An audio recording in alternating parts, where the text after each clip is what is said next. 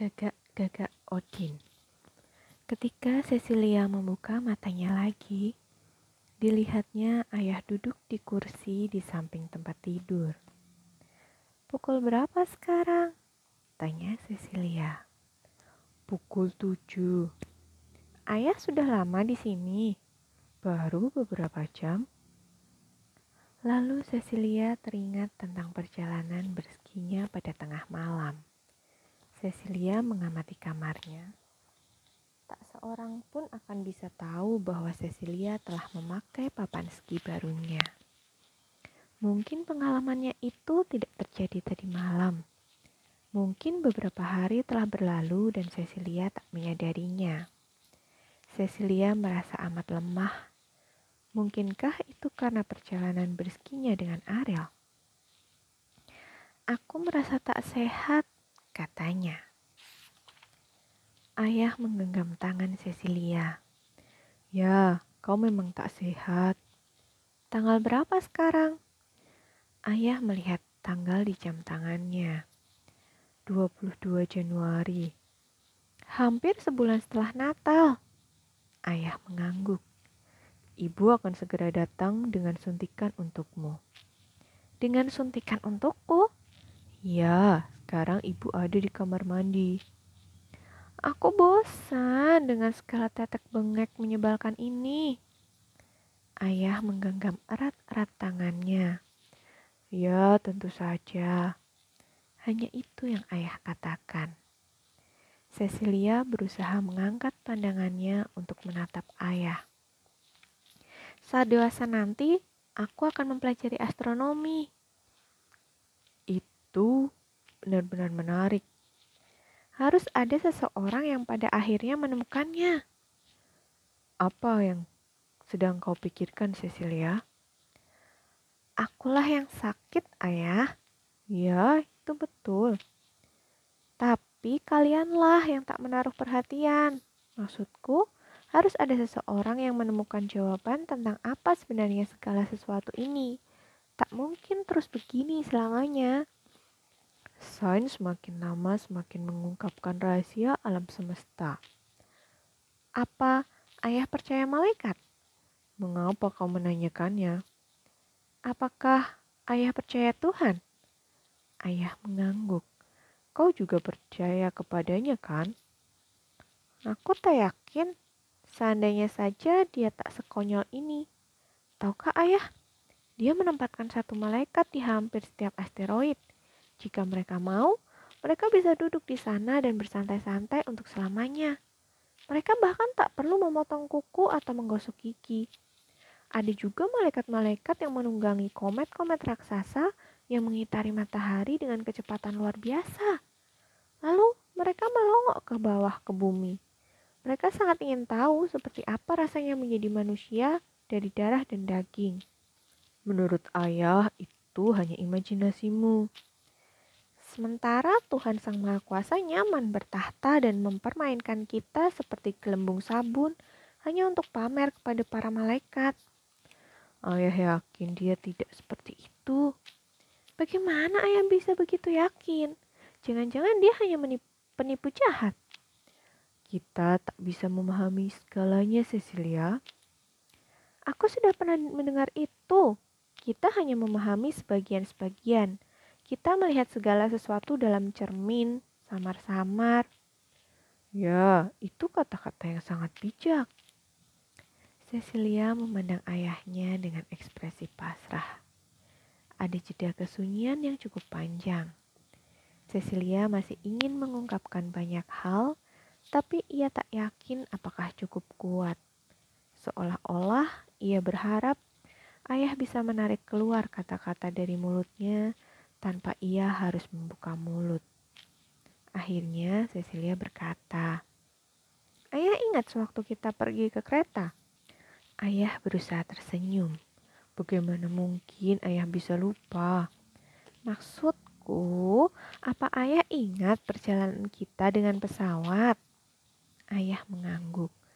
Ayah bahkan masih ingat kita makan ayam dengan salad kentang dalam perjalanan berangkat dan bak bakso saus paprika dalam perjalanan pulang. Jangan bicara soal makanan, ayah. Maksudku, saat itu aku melihat keluar jendela. Aku melihat bumi di bawah sana. Cecilia tak berkata-kata lagi.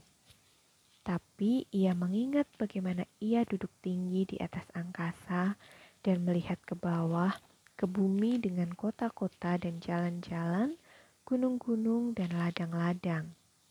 Dalam perjalanan pulang, Mula-mula mereka terbang di atas awan. Saat itu, Cecilia merasa berada di antara surga dan bumi. Mereka baru tiba di Norwegia pada larut malam. Saat akan mendarat di bandara, mereka menyelam menembus awan yang mirip hiasan kapas di pohon Natal. Dan di balik awan itu, terlihat negeri ajaib yang diterangi lampu-lampu listrik dengan semua warna pelangi. Cecilia berkata, "Saat kita datang ke dunia ini, kita menerima seluruh dunia ini sebagai hadiah." Ayah mengangguk. Tampaknya ia tak terlalu senang Cecilia bicara banyak.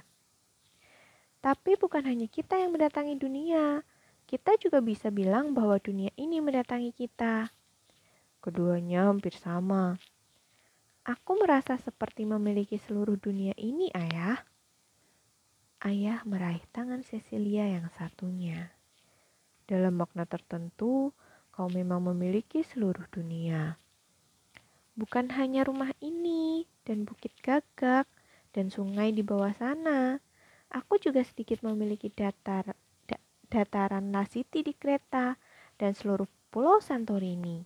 Seolah-olah pada suatu masa aku pernah tinggal di Puritua Nosos Matahari dan bulan serta semua bintang di langit adalah milikku, karena aku telah melihat mereka semua.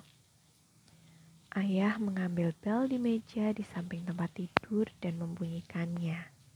Mengapa ia melakukannya? Ayah tidak sakit, kan? Cecilia meneruskan. Tak ada yang bisa mengambil apa pun dariku. Dunia ini selamanya adalah milikku. Semuanya ini adalah duniaku. Kemudian ibu datang. Ayah bergegas bangkit dan berjalan keluar. Ayah sudah lama duduk menunggui Cecilia. Mungkin ia sudah tak tahan ingin pergi ke kamar mandi. Cecilia? Cecilia menoleh menatap ibunya dengan pandangan menuduh. Cecilia, bisakah ibu cuma memberikan suntikan? Kita tak perlu ngobrol tentang apa pun. Cecilia segera mendapatkan suntikan dan pastilah setelah itu ia tertidur lagi. Karena saat terjaga, dilihatnya Ariel duduk di kursi di samping tempat tidurnya. Cecilia merasa jauh lebih baik ketimbang saat ibu atau ayah berada di sana. Mungkinkah kehadiran malaikat membuatnya bertambah sehat? Nyenyakkah tidurmu? Tanya Ariel. Cecilia berusaha bangkit dan duduk di pinggir tempat tidur. Ia memandang keluar jendela dan melihat bahwa di luar masih terang. Sekarang siang ya? Kata Cecilia. Kadang-kadang aku benar-benar bingung. Ariel mengangguk setuju. Planet ini memang selalu berputar. Cecilia tertawa. Dia tidak tahu pasti apa sebabnya.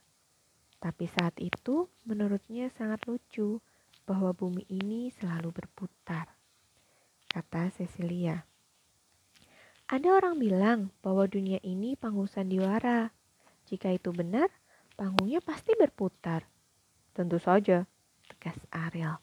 Tapi mungkin kau tak tahu apa sebabnya. Cecilia mengangkat bahunya. Itu tak terlalu penting karena aku tak bisa merasakannya berputar. Aku juga tak keberatan jika dunia ini seperti kumi diputar. Kalau seperti itu, pasti semua wahana biang lala tak laku. Ariel meninggalkan kursi kayu itu, melayang perlahan melintasi kamar, dan duduk di meja tulis. Dia menatap Cecilia dari atas sana. Bumi berputar supaya semua manusia di planet ini bisa melihat ke semua penjuru angkasa. Dengan begitu, kau bisa menyaksikan hampir semua bintang dan segala sesuatu di atas sana. Tak peduli kau berada di bagian mana di planet ini. Aku tak pernah berpikir seperti itu. Ariel mengangguk dan melanjutkan pembicaraan.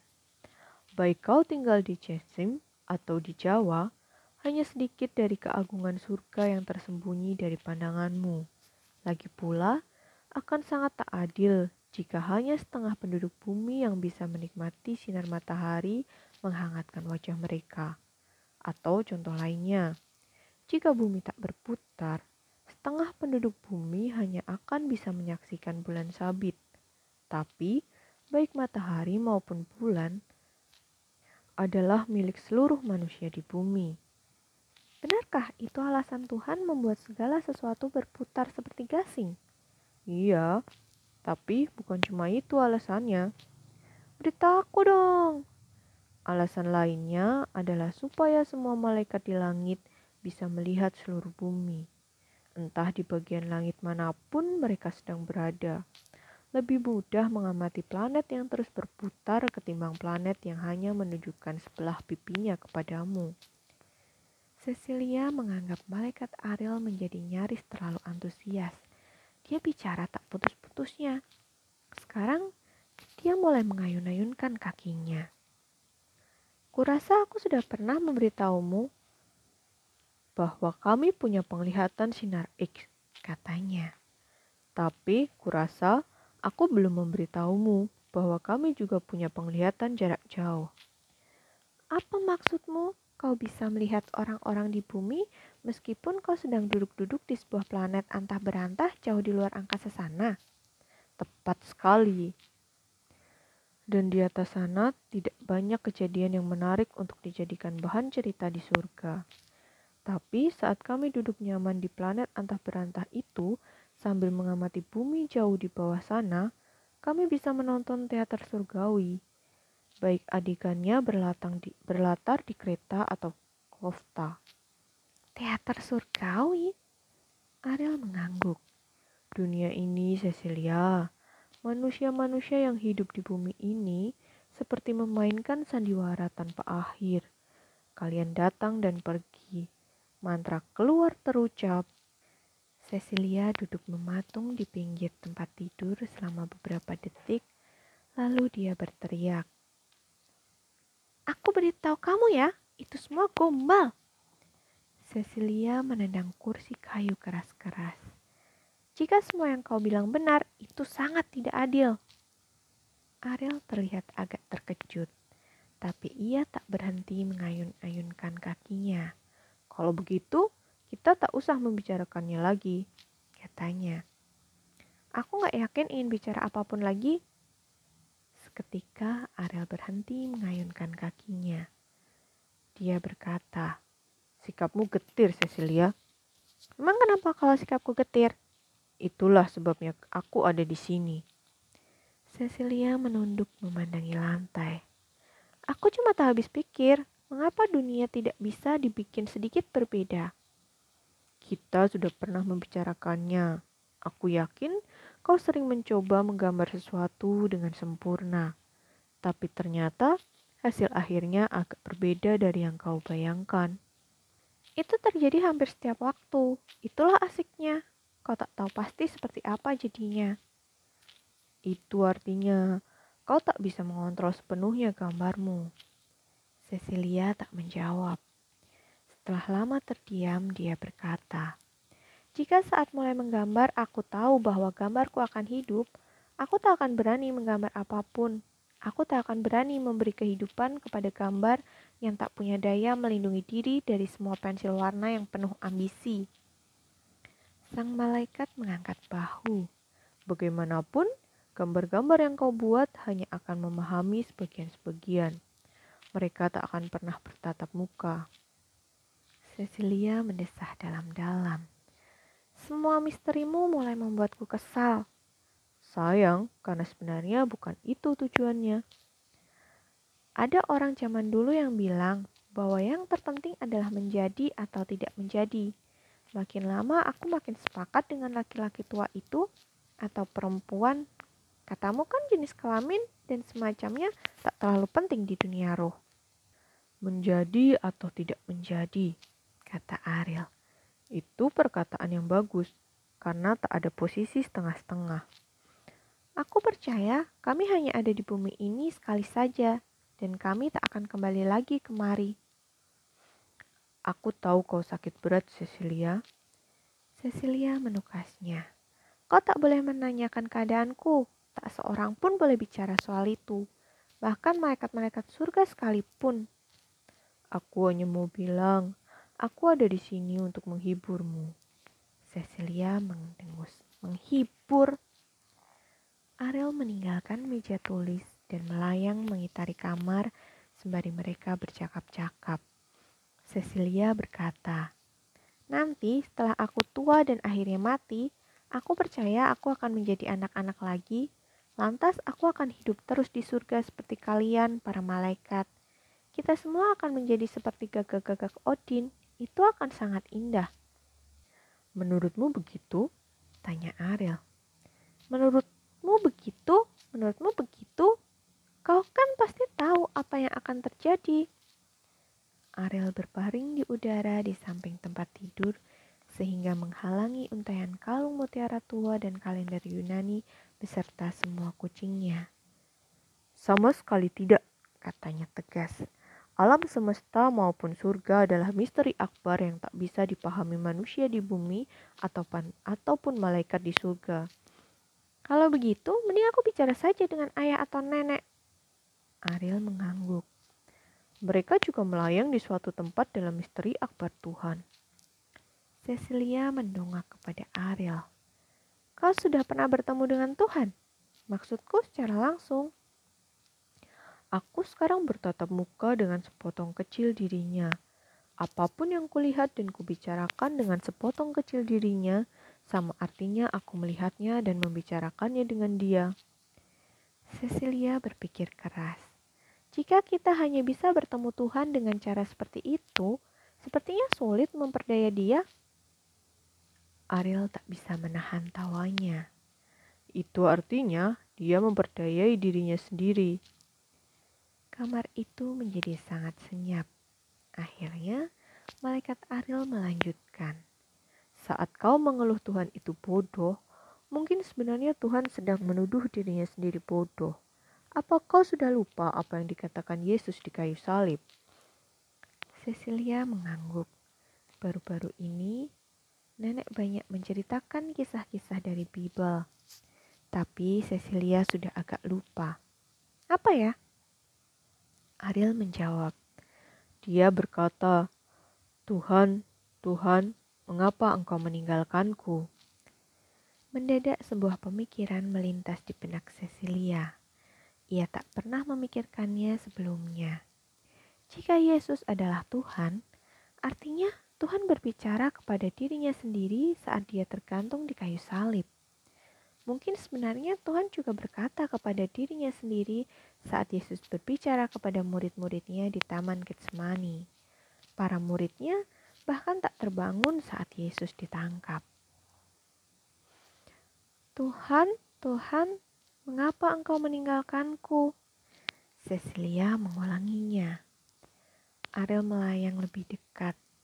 Dia menyelami mata Cecilia dengan tatapan biru safirnya dan berkata, Katakan saja Cecilia, katakan lagi dan lagi, karena memang ada yang tak benar di alam semesta ini. Memang ada cacat dalam keseluruhan rancangan agung ini. Cecilia merenung berusaha memahaminya. Apa kau benar-benar tak tahu lebih banyak lagi tentang apa yang ada di sisi lain kehidupan ini? Tanya Cecilia. Ariel menggelengkan kepalanya yang licin. Kita semua melihat dalam cermin. Sekarang kau melihat sekilas apa yang ada di balik cermin. Aku tak bisa menggosok seluruh cermin. Seandainya pun aku bisa, kau mungkin akan melihat lebih banyak lagi. Tapi tentunya kau tak bisa lagi melihat bayanganmu sendiri. Cecilia menatap Ariel dengan kagum.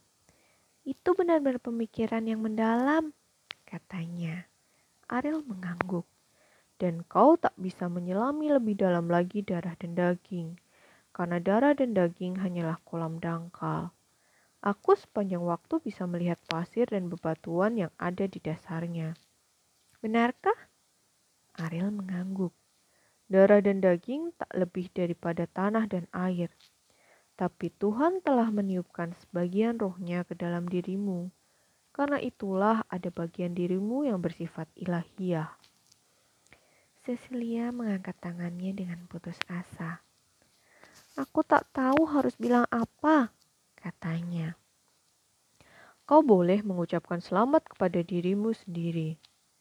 Hari ini bukan ulang tahunku. Ariel menggelengkan kepala.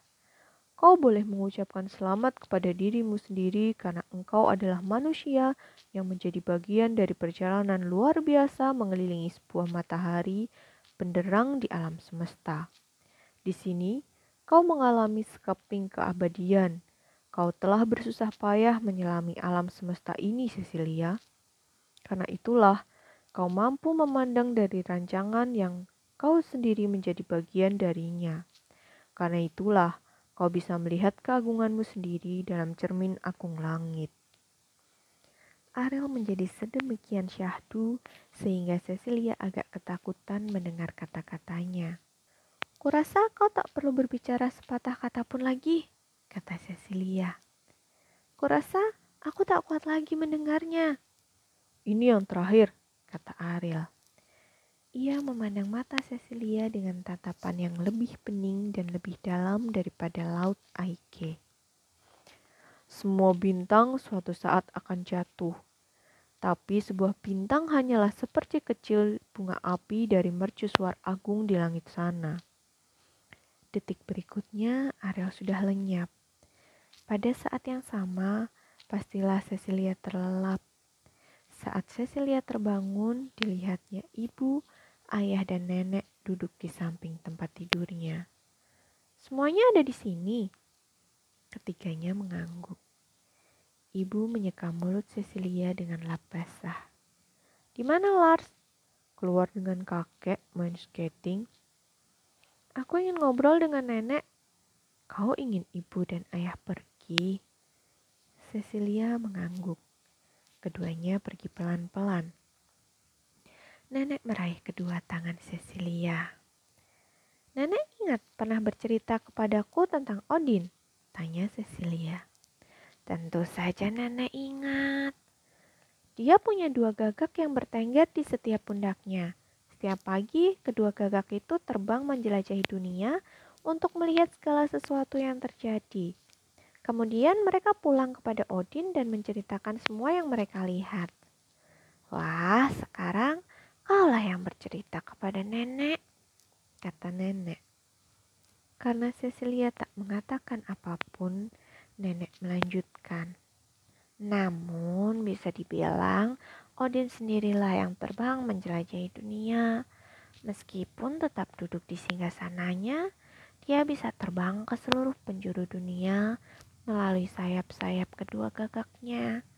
Dan tentu saja kakak-kakak itu punya daya pandang yang bagus. Cecilia menghentikan ucapan nenek. Itulah yang ingin ku katakan. Apa? Aku berharap punya dua gagak seperti itu. Atau minimal satu gagak. Nenek menggenggam tangannya sedikit lebih erat. Kita tak perlu membicarakan hal seperti itu sekarang. Lagi pula aku mulai lupa segala yang pernah nenek ajarkan, kata Cecilia. Menurut nenek, kau masih mengingatnya dengan baik. Bukankah nenek pernah bilang bahwa kita menangis ketika ada sesuatu yang indah? Atau nenek bilang bahwa kita menjadi indah ketika menghadapi kesedihan? Nenek tak menjawab. Ia hanya menggenggam pergelangan tangan Cecilia dan menatap mata Cecilia. Ada buku catatan di bawah ranjangku, kata Cecilia. Bisakah nenek ambilkan?